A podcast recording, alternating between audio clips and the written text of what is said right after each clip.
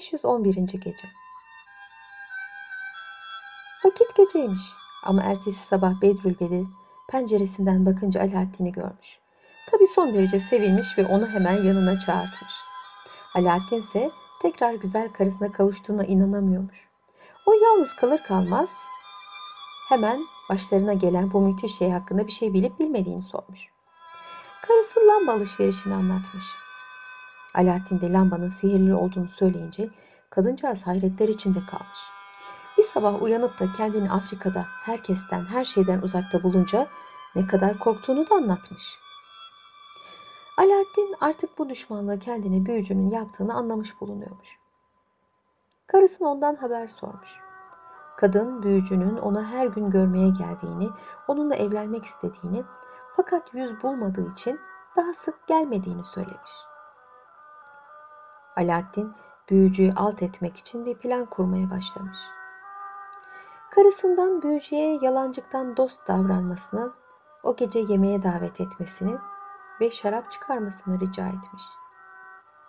Alaaddin bu şarabın içine zehir karıştıracakmış.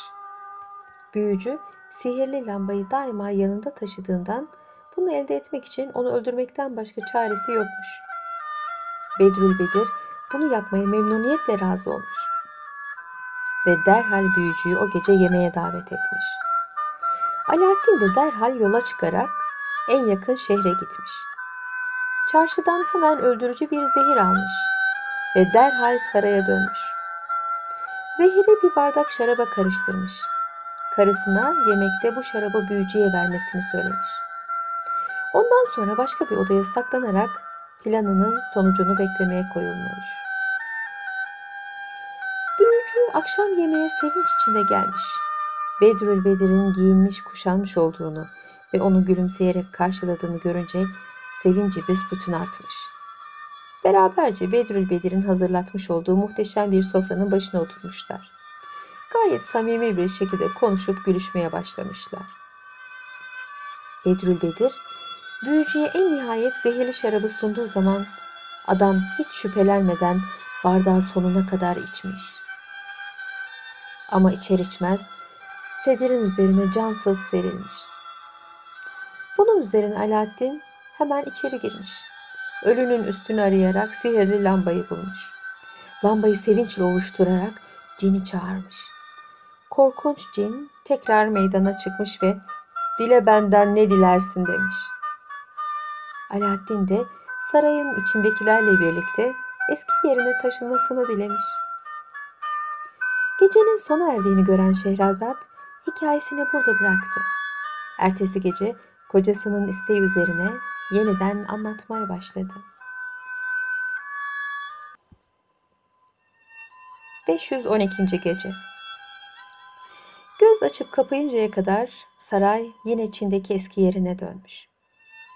Penceresinden bakıp da yine parlak sarayı gören ve sevgili kızının sağ salim geri döndüğünü anlayan sultanın sevincini artık siz düşünebilirsiniz.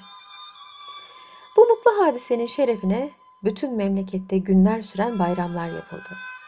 Fakat Alaaddin hala tehlikeden uzaklaşmış değilmiş.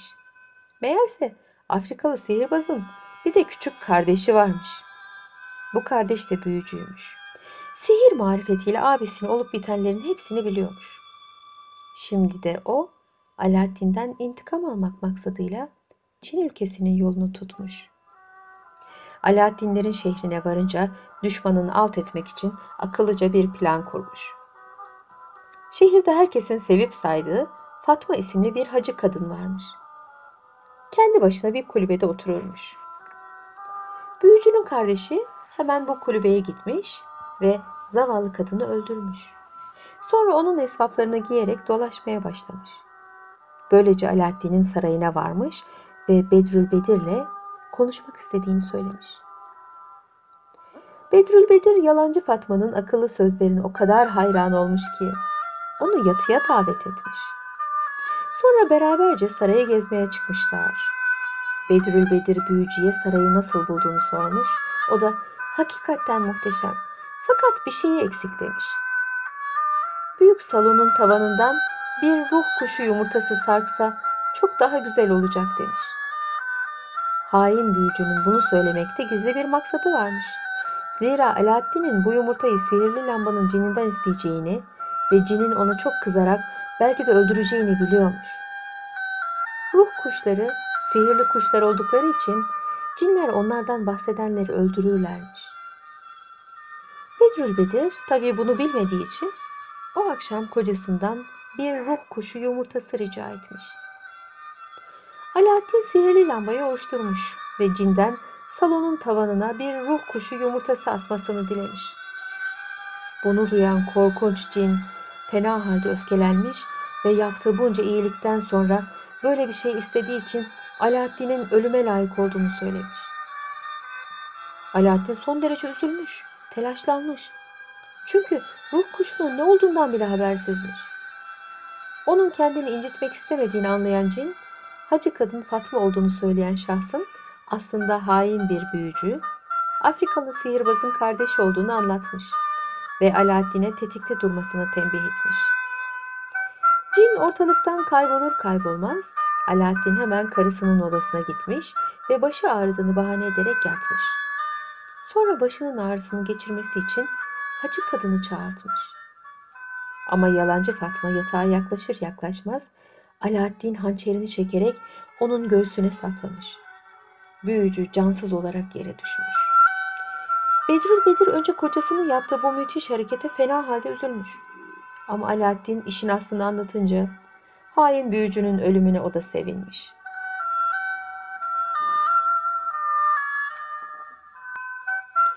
Bundan sonra artık korkulacak bir şey kalmamış.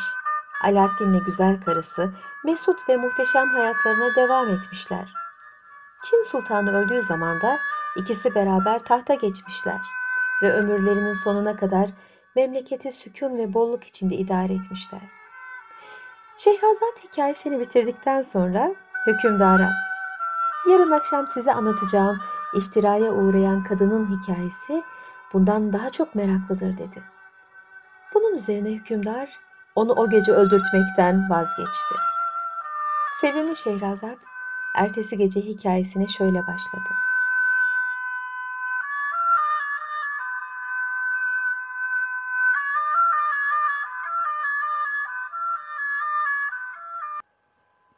İftiraya uğrayan kadının hikayesi. 513. gece.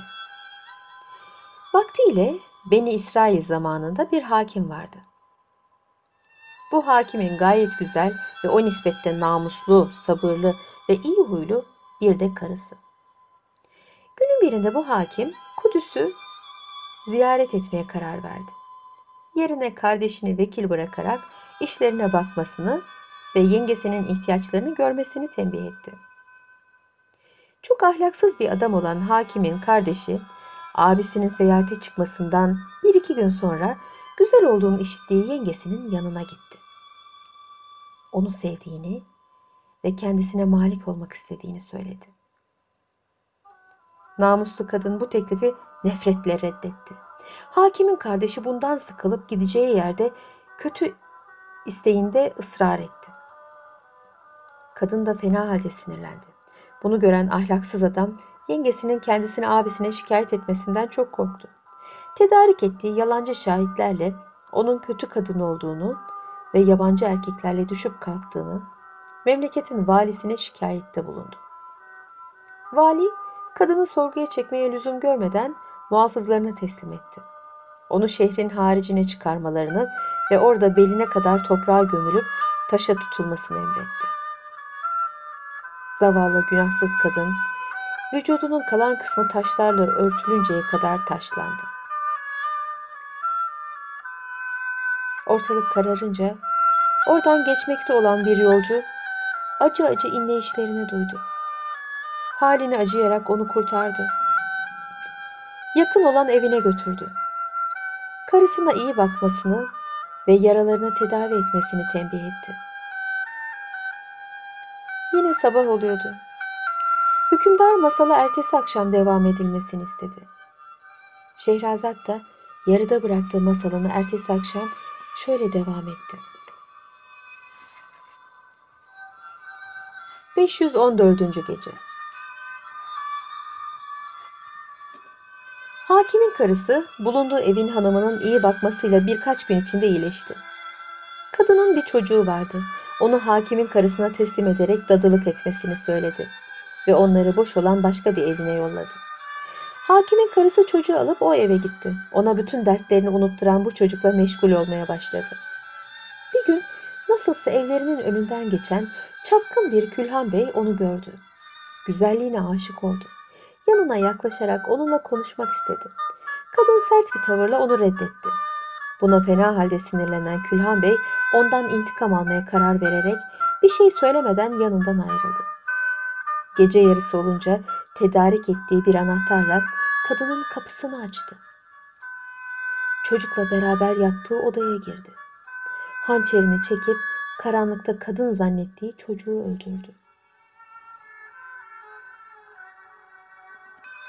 Sonra yaptığına pişman olarak korku ve heyecan içinde evi terk edip kaçtı. Kadıncağızın sabaha kadar gözlerine uyku girmedi.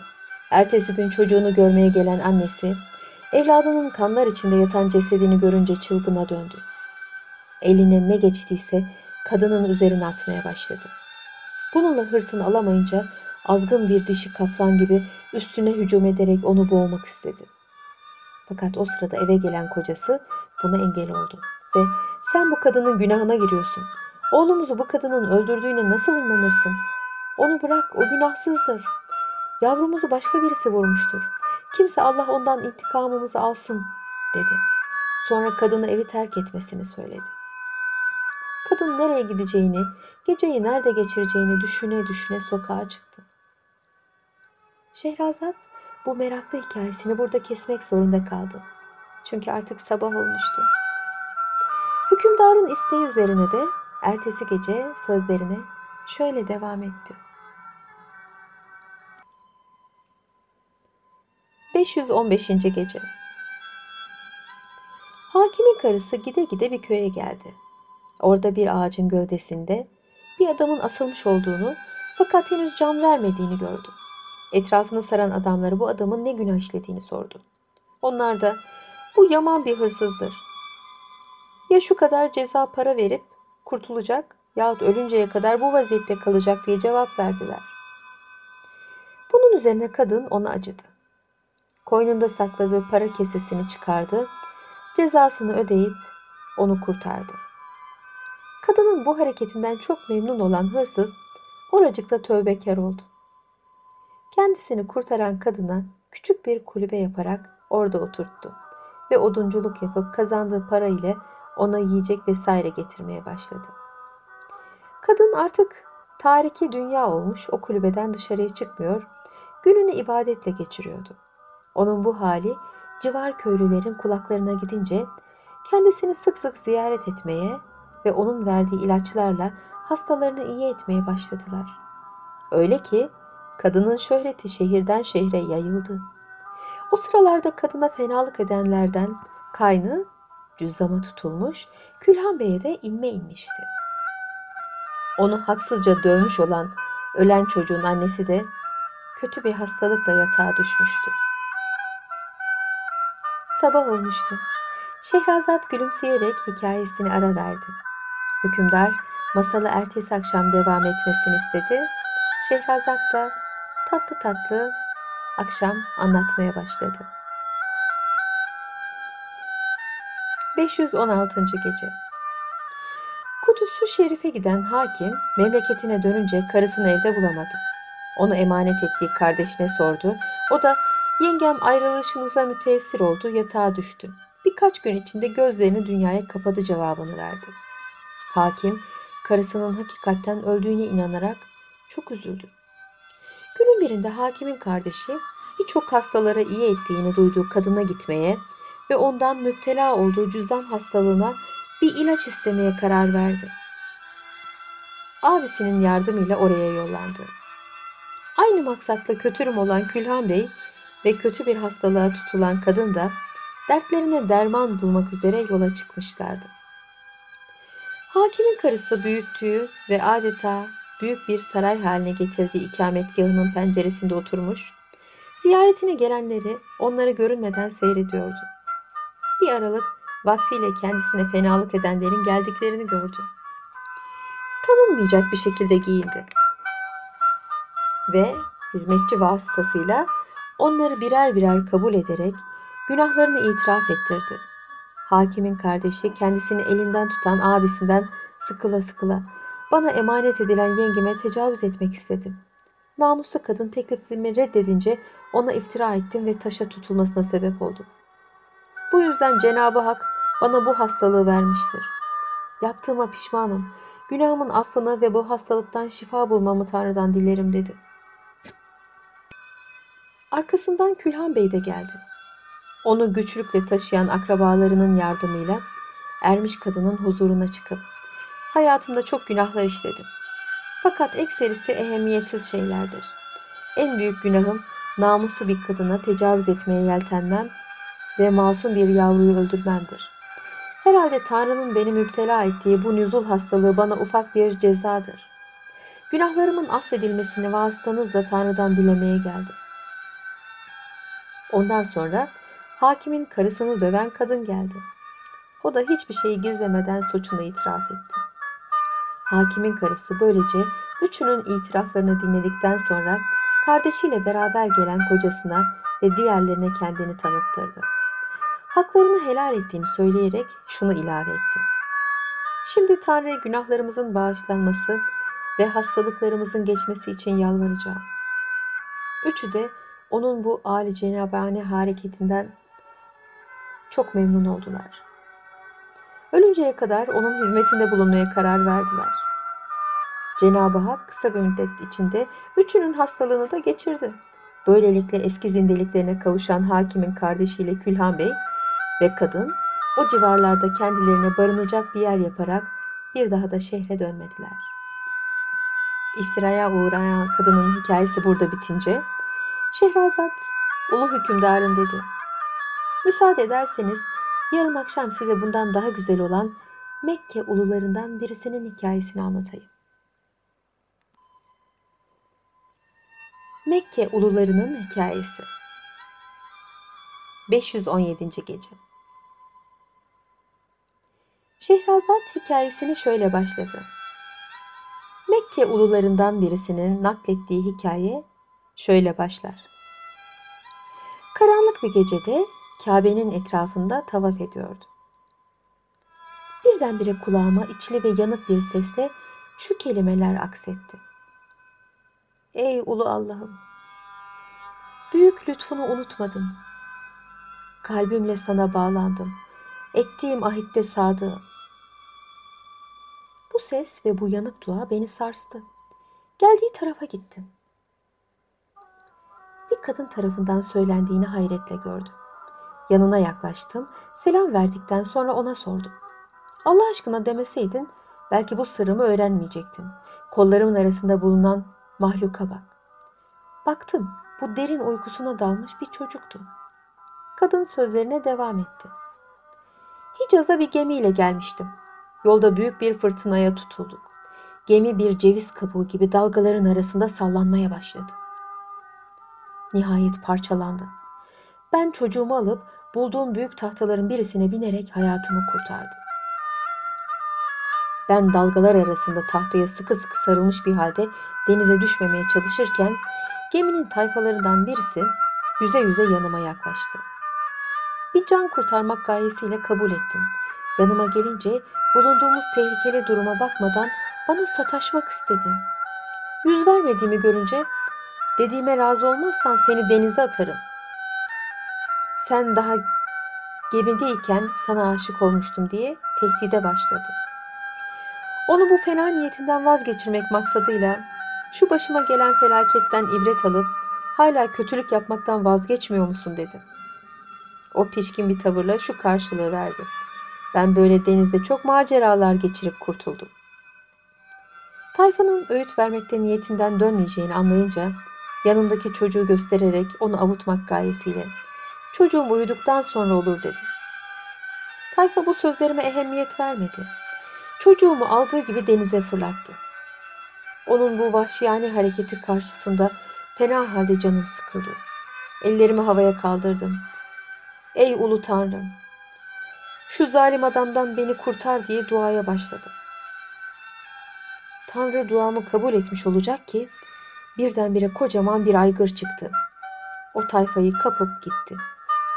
İki gün iki gece denizde bocaladıktan sonra bir sabah uzaktan bana bir gemi göründü. Çok geçmeden onun tayfaları beni görüp kurtardı. Güverteye çıktığım zaman orada çocuğumu buldum. Hayretle onu nerede bulduklarını sordum.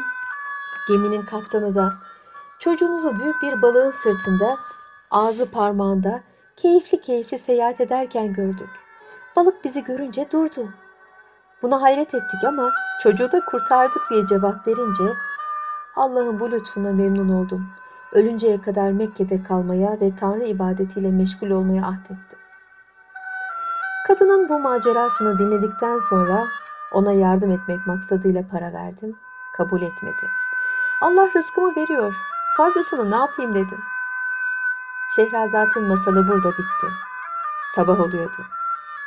Şehrazat Sevgili hükümdarım, eğer müsaade ederseniz yarın gece size Hasip Keramettin ile Şahmeran'ın hikayesini anlatacağım. Hükümdar sevgili karısını o gece de affetti.